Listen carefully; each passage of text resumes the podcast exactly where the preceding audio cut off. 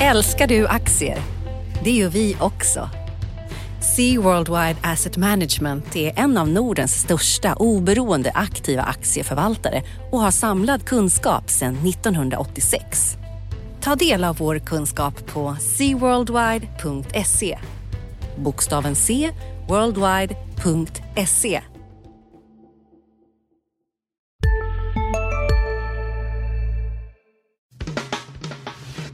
Analyspodden från Dagens Industri. Hej allihopa och välkommen till Dagens Industris analyspodd. Eh, jag heter Ulf Pettersson och med mig idag har jag Felicia Åkerman. Eh, god morgon Felicia. God morgon. Allt väl? Jo då, det är soligt. Börsen är upp lite grann, så man kan väl inte klaga. Nej, jag tror till och med vi nästan är på all time high igen om man räknar in de här utdelningarna. Eh, så det, det, går fortsatt bra på börsen även om det är mycket som, mycket som oroar folk där ute. Vi har ju Italien och sånt där och, och lite annat och bankerna som går dåligt. Men mm. vad tycker du vi ska, ska ägna, ägna podden åt idag? Ja, vi ska ju såklart prata om iSettle eh, som ju nu blir uppköpt istället för att gå till börsen. Just det. Ehm, och gärna lite Italien. Det händer väldigt mycket mm. där. Kronan är ju ständigt aktuell så den snackar jag gärna lite om eh, senare. Ja. Bra, det tycker jag. Och sen så har vi en börs som pågår hela tiden och där har vi ju haft eh, eh lite nedgång. Den har ju stigit som sagt var men eh, bankerna har det fortsatt tufft och det är mm. väl lite om det här Italien. Eh, mm.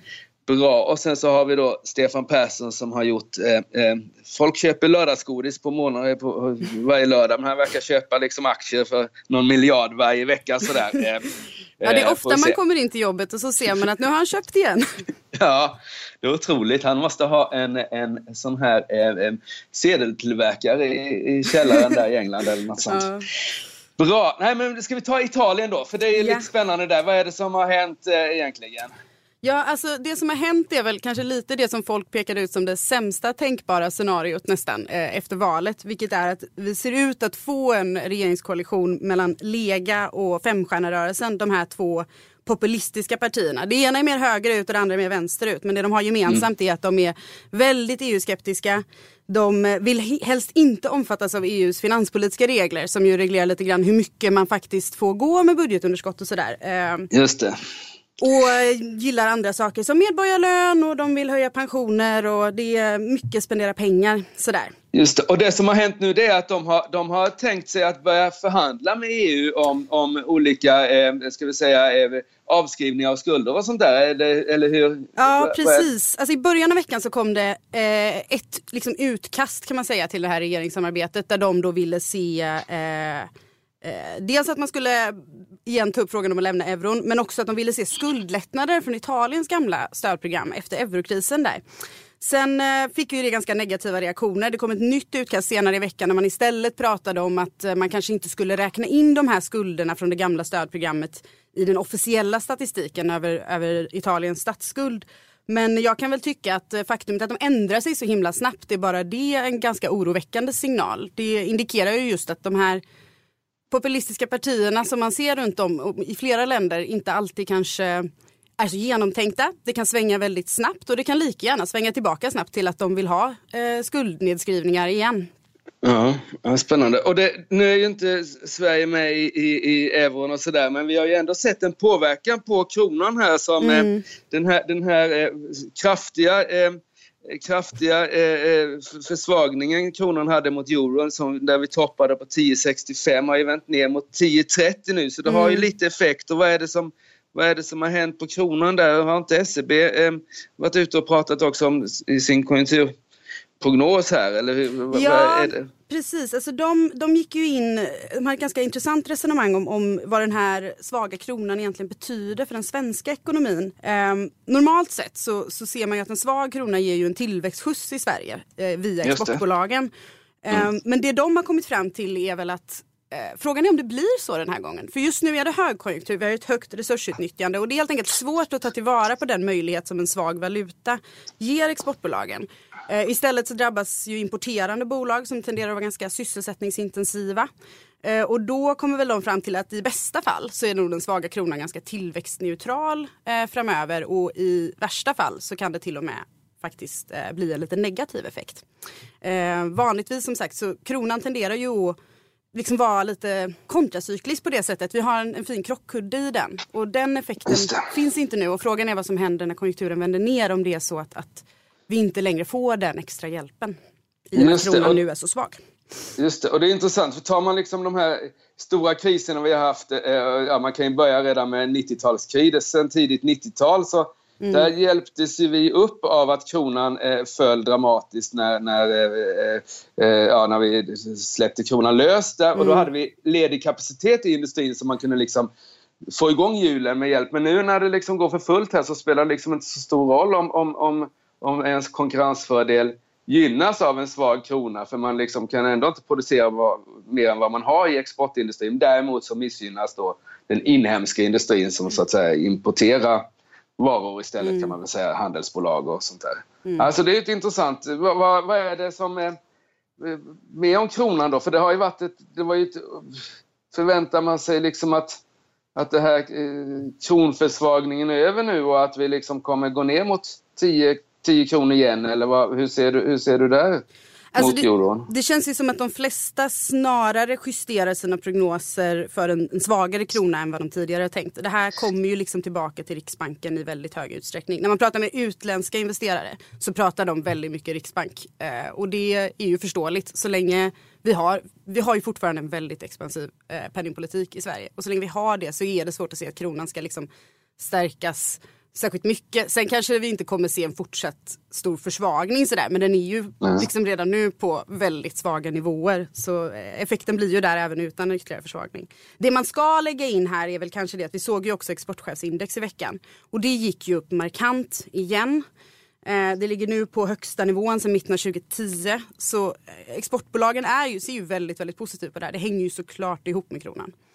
Ja, just det. Och det såg man ju även i, i, i den gångna rapportperioden här att mm. de här verkstadsbolagen hade ju det var ju full fart och sen är det frågan om det kan bli så mycket bättre men det är ju liksom verkligen mm. högtryck i, i, i den delen av ekonomin. Däremot något som det inte är något högtryck i just nu är ju bygginvesteringar här egentligen som har varit en en ganska stark drivkraft till eh, den här väldigt starka konjunkturen vi har haft de eh, senaste åren. Eh, stämmer inte det? Eller hur? Jo, hur precis. Du? Antalet byggstartade lägenheter var ju ner 13 procent på årsbasis under första kvartalet. De brukar inte sjunka under första kvartalet, så bara det är ju en, en lite intressant utveckling. Det var väl inte jätteförvånande kanske. Vi har ju sett eh, rapporterna från bostadsutvecklarna den här omgången har inte varit sådär jätte, jätte härlig läsning kanske. Nej. Eh, kan man ju inte påstå. Var, var det bara i var det i Stockholm eller var det i hela det var, Sverige? Det var hela Sverige. I Stockholm var det faktiskt, om jag minns rätt, en lite mindre nedgång. Men det där tänker jag kan ha att göra med, det finns ju massa effekter eh, i det och man har redan sett kanske en nedgång i Stockholm sedan tidigare. Sådär. Men det var faktiskt hela Sverige som, som såg den nedgången. Men vad tror du? Alltså, tror du att vi eh, om vart bostadsmarknaden är på väg. Min kollega Johanna Jansson skrev ju i veckan att eh, prisratet kanske är över för den här gången men att man historiskt sett brukar se en platå och sen kan det fortsätta ner lite till.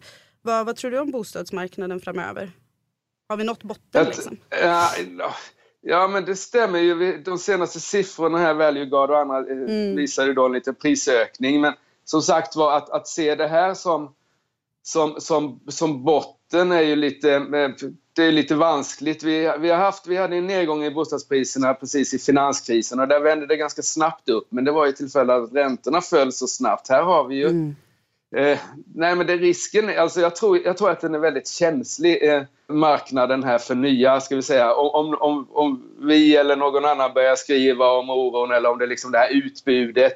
Alltså den är väldigt känslig, folk är väldigt känsliga. Det är inte alls samma, samma ska vi säga, eh, vilja av att köpa lägenheter som för ett år sedan. Och jag tror att folk generellt är väldigt mycket mer avvaktande nu. Eh, och att, att priserna mycket väl kan falla ner en bit till här för det kommer ju framförallt det som är det stora problemet är ju i Stockholm, egentligen lite Uppsala och sådär, det är ju att det har byggts ungefär alla lägenheter är likadana lite grann. Det är de här liksom 70, 80, 90 kvadrat i, inte mitt i innerstan men inte så långt därifrån men med innerstadspris. Och den liksom, de är, de är liksom byggda för en två, två personer med hyfsade eller med, till och med goda inkomster och liksom möjligtvis något litet barn och sådär. Och den där gruppen det är liksom, jag undrar om inte man har byggt för lång, många lägenheter just i det segmentet. Att man skulle ha spridit det och byggt liksom billiga lägenheter och kanske större lägenheter. Men liksom det känns som att man har koncentrerat sig verkligen till en viss nivå här. Och där är det ju inte...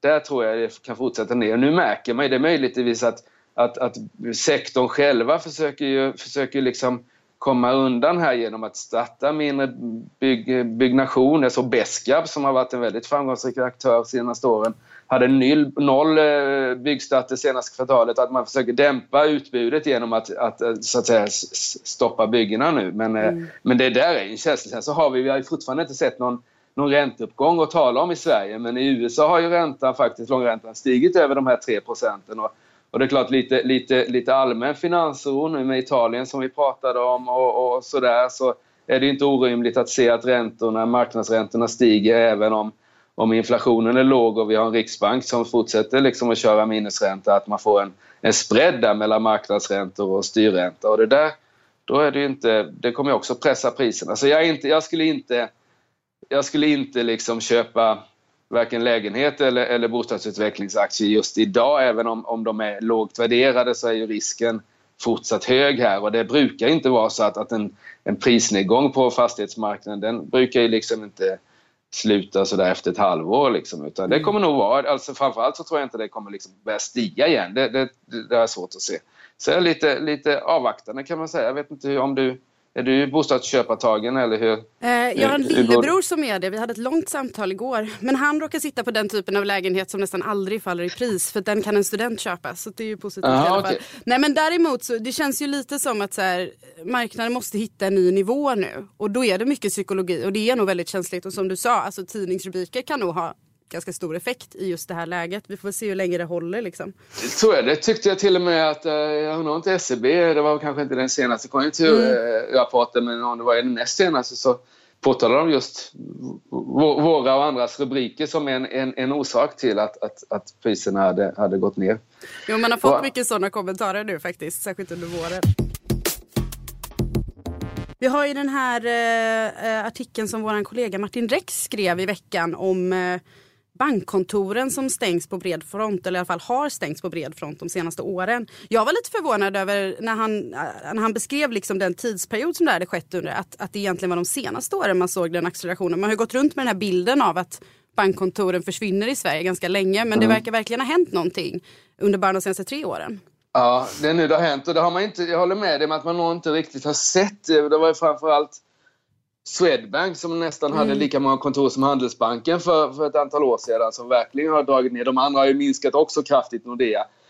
Och det har man inte, man har ju liksom sett det där lite grann i bankrapporterna här de pratar om, liksom om, om oförändrade kostnader. Och det är klart att har man väldigt mycket stigande kostnader i IT-utveckling och massvis av jurister som ska hålla på och skicka skicka sådana här dokument till alla myndigheter som har exploderat senaste åren så måste ju kostnaderna tas någonstans ifrån och det är ju bankkontoren och det, det, det ser man ju nu på, på Martin Rex siffror här och det är ju en jätteintressant trend och den, den, den är ju så liksom omgripande. Om vi tar dagens stora nyhet i svensk finansvärld, det vill säga att Izettle mm. inte går till börsen som de hade tänkt att göra här redan om ett par veckor egentligen skulle de noterats. Utan att de säljs då till eh, den här amerikanska betalningstjänstföretaget Paypal så är ju det där en, en, en effekt av, av alltså det är ju, det är ju liksom banknedläggningar och att Izettle är värt 19 miljarder har ju, liksom, det har ju sitt samma ursprung egentligen i en förändrad finansiell eh, sektor där ingen, ingen besöker banker längre och man liksom, allt sker mer digitalt. Eh. Och vad det gäller Izettle så är det en, en ja, det är mest dosor nu, liksom lite mindre mm. dosor än de man brukar se. Men det där finns ju, de har ju någon slags, de har ju någon slags ambition om att bli en totalleverantör till, till små och medelstora företag som då förstås har varit kärnkunderna hos, hos de storbankerna egentligen. Att, och att bankerna då kan få mindre och mindre affärer därifrån. Så det är en jätteintressant intressant utveckling och det är ju Samtidigt så är det ju som så att det är fortfarande är det ju ändå banker. Det är inte så din lillebror som han ska köpa eller sälja mm. lägenhet mm. så går han ju inte till Izettle utan då är det ju någon av de fyra storbankerna, eventuellt liksom SBAB eller något sånt där som man hamnar hos. Och egentligen, om de, liksom, den bästa världen för, för bankerna är ju egentligen att inte ha några bankkontor som kostar pengar men däremot ha kunderna kvar på nätet. Så det där, det finns ju, det finns ju den som är positiv till banksektorn kan ju hitta liksom argument för det också. Att, att de har ju levt i en väldig kostnadsmassa. Jag kommer ihåg när jag var fondförvaltare en gång i tiden och skulle träffa sådana här banker som man då hade som liksom kontakt med. Det var ju, liksom, de var ju aldrig under åtta pers liksom i sitt, på sina möten. Eh, liksom man undrar vad gör alla dessa människor? Så det finns nog att göra där men det är en jättestor omställning för bankerna att att, så att säga, komma in i den nya världen. Mm. Men vad tycker du om Handelsbanken? De sticker ju verkligen ut här. De har ju, hur var det nu? Jag tror de hade nästan lika många kontor som de andra tre storbankerna. De har ju sin decentraliserade modell så man kan ju förstå varför det kanske hänger kvar längre. Men alltså ser de någonting som de andra bankerna inte ser i att ha kvar så många kontor? Finns det liksom någonting som man kanske en, en liksom konkurrensfördel som man kan tappa gentemot så här, rent digitala uppstickare. Vi ser ju sådana på bolånemarknaden och på, eh, råd, vad gäller rådgivare och sådär. Alltså, är de inne på något eller är det bara gamla traditioner? Alltså, det där är ju... Eh, frågar du Handelsbanken själva så menar de ju på att vi kommer ha en enorm fördel när vi är den enda banken mm. i, på mindre orter. Och det börjar de ju bli nu liksom. Eh, alltså det behöver inte, det behöver inte vara liksom små byar utan, utan det kan vara eh, städer med 5-10 000 invånare eller orter där, då är Handelsbanken ensamma idag, i många där. Och det är ju, det kostar pengar, eh, det är krångligt och anledningen att det fortfarande ser ut så tror jag är, eller det beror ju på att bankchefen på Handelsbanken är liksom eh, bankens viktigaste person brukar man prata om. Personalen är största ägare i banken via Oktogonen, då den här personalstiftelsen. Och att då börja plocka bort massvis av anställda och kontor är inte så lätt även om VD eh, Anders Bovin skulle vilja göra det. Men Sista dagarna nu på vårens stora season sale. Passa på att göra sommarfint hemma, både inne och ute. Och fynda till fantastiska priser.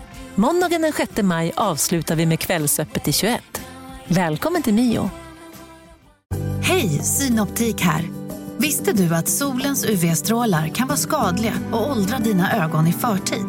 Kom in till oss så hjälper vi dig att hitta rätt solglasögon som skyddar dina ögon. Välkommen till Synoptik.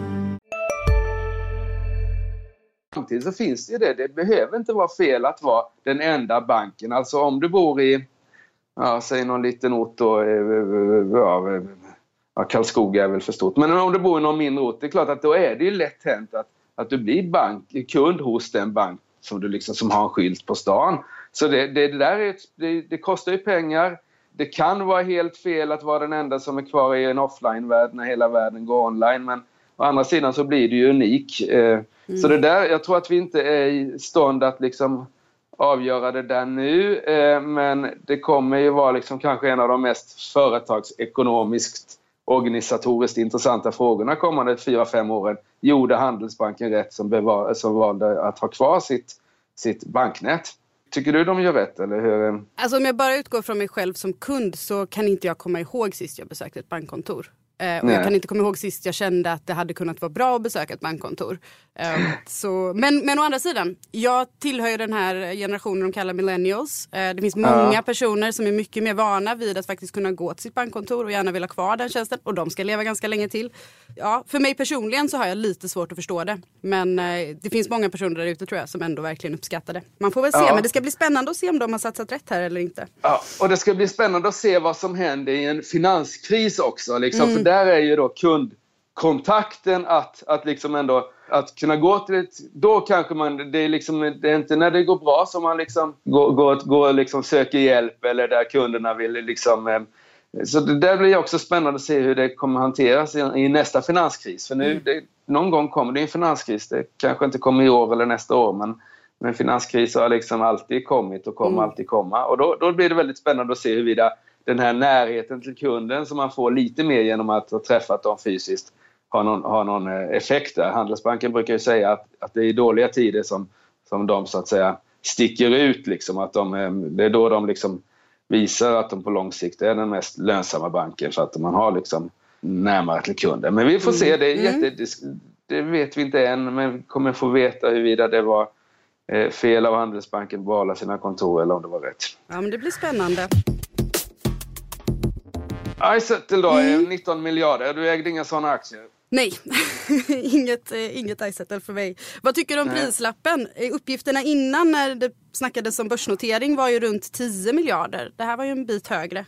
Ja, och de gjorde en, eh, en, eh, en emission på 8 miljarder för bara några månader sedan om jag förstår det hela rätt.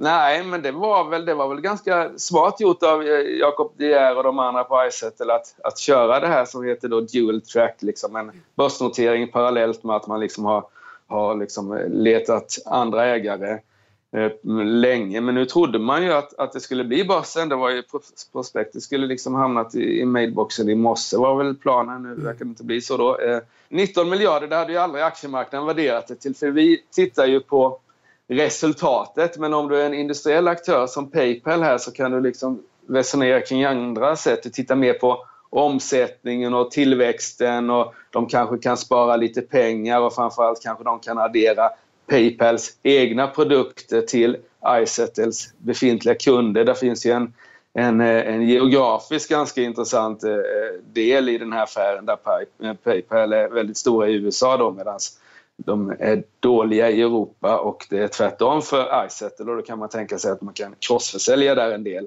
Plus att man kan, kanske kan spara lite pengar på utvecklingskostnader och sånt. Så det är rim, eller rimligt men eh, det händer ibland att industriella företag kan av liksom rent ekonomiska skäl betala mer än vad aktiemarknaden har gjort. Och det var väl så i det här fallet. Sen 19 miljarder, det, är liksom, det blir ju lite liksom fingret upp i luften. Här är det liksom när ett bolag förlorar massvis, massvis av 100 miljoner och omsätter, vad var det, en miljard att värdera det till 10, 15 eller 20 gånger omsättningen. Det där blir liksom lite dagsform. Nu har vi ju haft en, en, en, en väldigt stark eh, börs vad det gäller sådana här fintech och IT-bolag. Liksom. Eh, så det, det är liksom lite, det är lite sån ITH här. Det gjorde väl att, att priset blev extra högt. Vi får väl se om några år huruvida Paypal kommer börja skriva ner, skriva ner de här 19 miljarder de har betalat eller inte. Det är också någonting som vi eh, får lägga på liksom, komma ihåg-listan några år bort här och se hur det gick.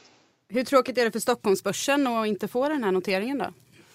Det är, det är tråkigt. Det hade blivit en, en mycket handlad aktie så det är tråkigt både ur, ur liksom ett finansiellt perspektiv för Nasdaq och sen är det tråkigt även att att det här hade ju varit liksom ett, ett storbolag, 20 miljarder, då är tillhör man eh, ja, de 50 största bolagen på Stockholmsbörsen i alla fall. Eh, och nu fick man inte det eh, och det hade varit kul att liksom skriva om och det hade liksom, eh, men eh, nu vad jag förstår så ska då Izettle vara kvar i Stockholm som bolag och att det ska liksom inte försvinna massvis av folk och det tror jag är väldigt bra för Sverige. Eh, men det är så där. Adam Koster som är eh, noteringschef på Nasdaq sa ju här i morse att eh, han försökte ju slå ett slag för att börs, bolag måste in till börsen för då kan man använda aktier till att göra sådana här affärer. Nu tror jag, nu vet jag inte om Paypal, Paypal betalar med egna aktier eller om, de- om de betalar kontanter till, eh, till Izettle-ägarna men det kan ju finnas en fördel att vara på börsen genom att man kan använda sig att Izettle hade fått en värdering på 10 miljarder. Då hade de kunnat köpa liksom mindre bolag med Izettle-aktier. Det hade ju varit jättebra då. Men eh, nej, det är tråkigt. Och nu vet jag inte vad det finns mer för bolag. Klarna, eh, det är de istället eller vad som har hänt där. Eh, Ja, eh, ja vi får se. Det är, Tråkigt är det, men, eh, men ändå, det visar ju ändå att Sverige faktiskt har några, några fördelar här. Vi har en, en, en stark fintech-sektor, vi har en stark sån här spelbolagssektor. Det här Paradox är ju upp 20% idag och ett börsvärde som är lika högt som, som Izettle nu med 19 miljarder efter den här uppgången. Så vi har några sektorer, några nya sektorer som, som Sverige verkar vara väldigt duktiga inom.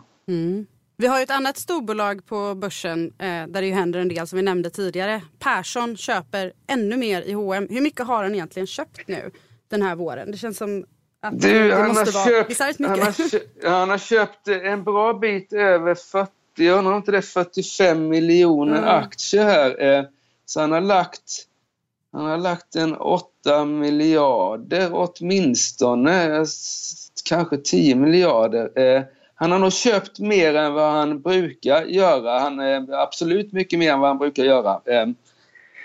Och det tror jag beror på, dels så tycker han väl att den är billig helt enkelt här på 120, 130, 140 kronor, mm. H&M-aktien. Och sen så tror jag att han eh, kände att liksom när alla andra var emot hans son Karl Johans eh, eh, vd-skap så, så ville han väl verkligen visa för folk att eh, familjen står bakom sin, sin son och kommer liksom vara långsiktig ägare här. Det är inget snack om saken. Dessutom tror jag det triggades igång att det var ju faktiskt en kusin till Karl Johan som sålde en del aktier här på väldigt låga nivåer.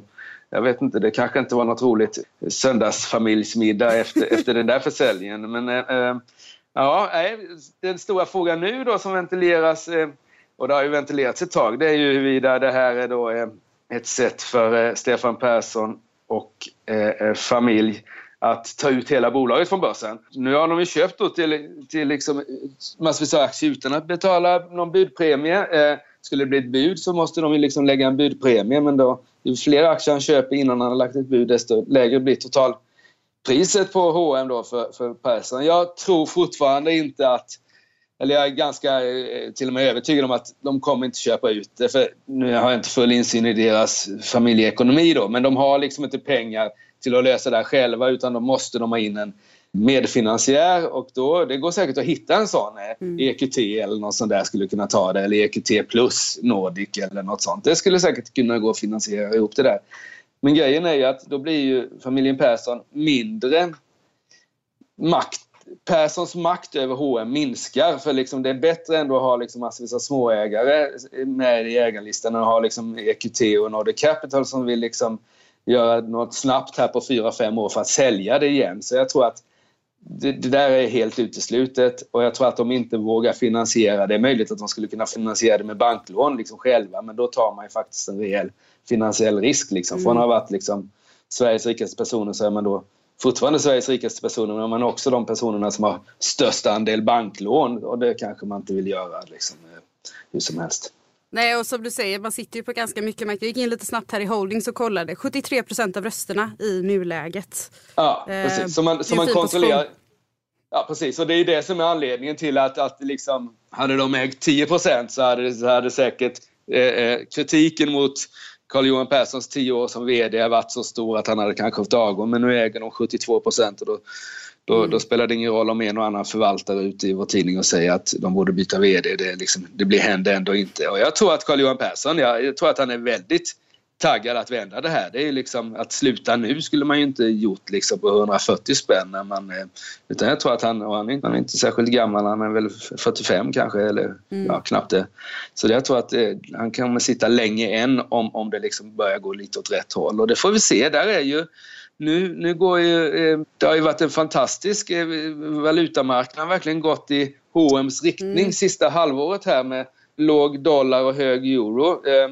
Nu har det ju vänt lite grann här de sista veckorna men, eh, men likväl så bör de få en positiv valutaeffekt här. Eh, kanske inte redan detta kvartalet men eh, kvartal 3 och 4 i alla fall eftersom inköpspriserna är i dollar och försäljningspriserna i allt väsentligt är i euro. Så den relationen där när, när euro och dollar var uppe på, jag vet inte vad det var uppe på som högst, 1,25, 1,28 mm. eller något sånt där var ju, var ju jättebra.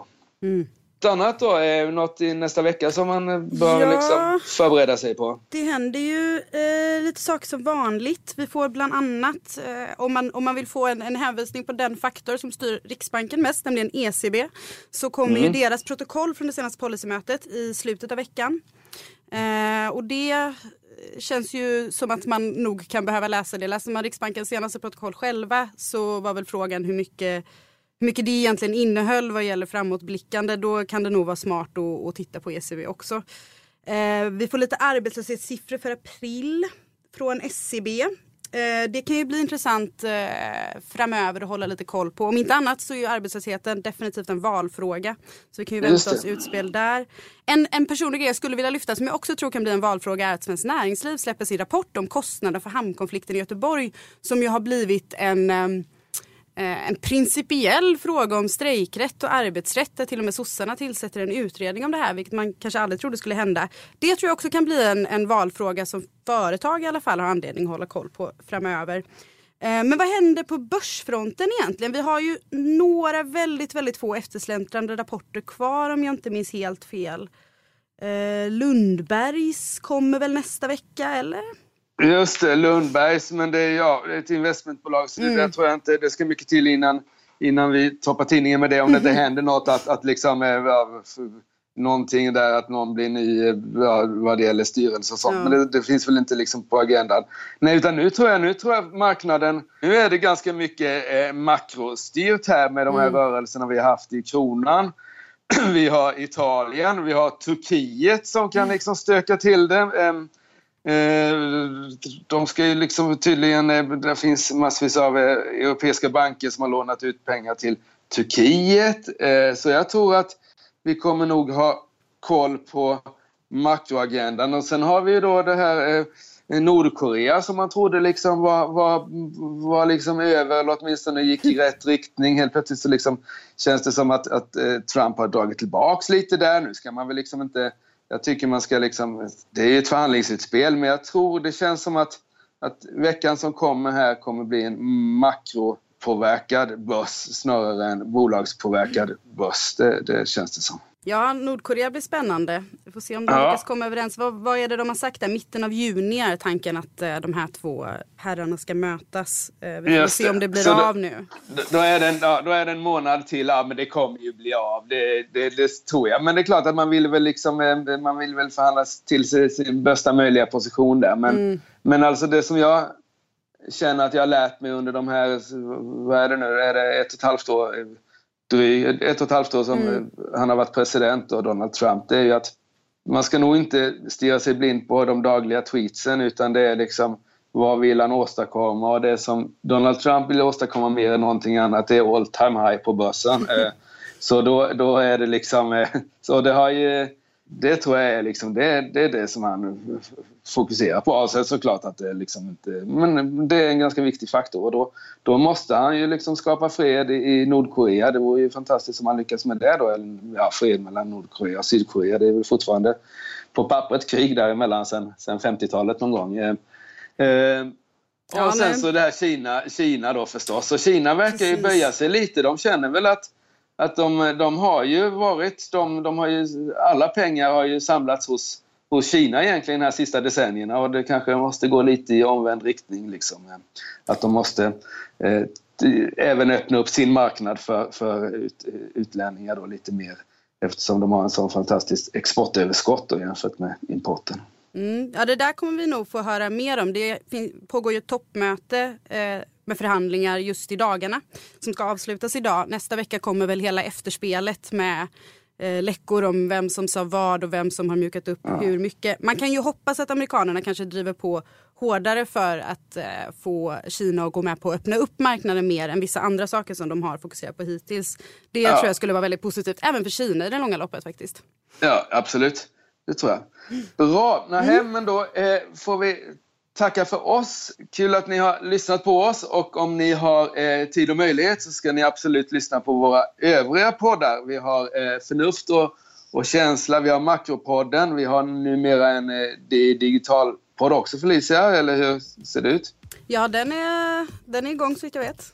Ja, Bra, och så får ni ha en riktigt skön helg eh, där ute allihopa och tack för oss. Tack.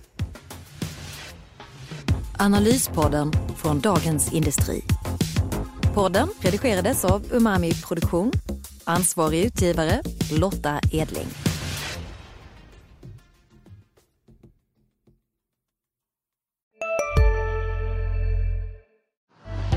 Älskar du aktier? Det gör vi också. Sea Worldwide Asset Management är en av Nordens största oberoende aktiva aktieförvaltare och har samlad kunskap sedan 1986. Ta del av vår kunskap på seaworldwide.se. Bokstaven C, worldwide.se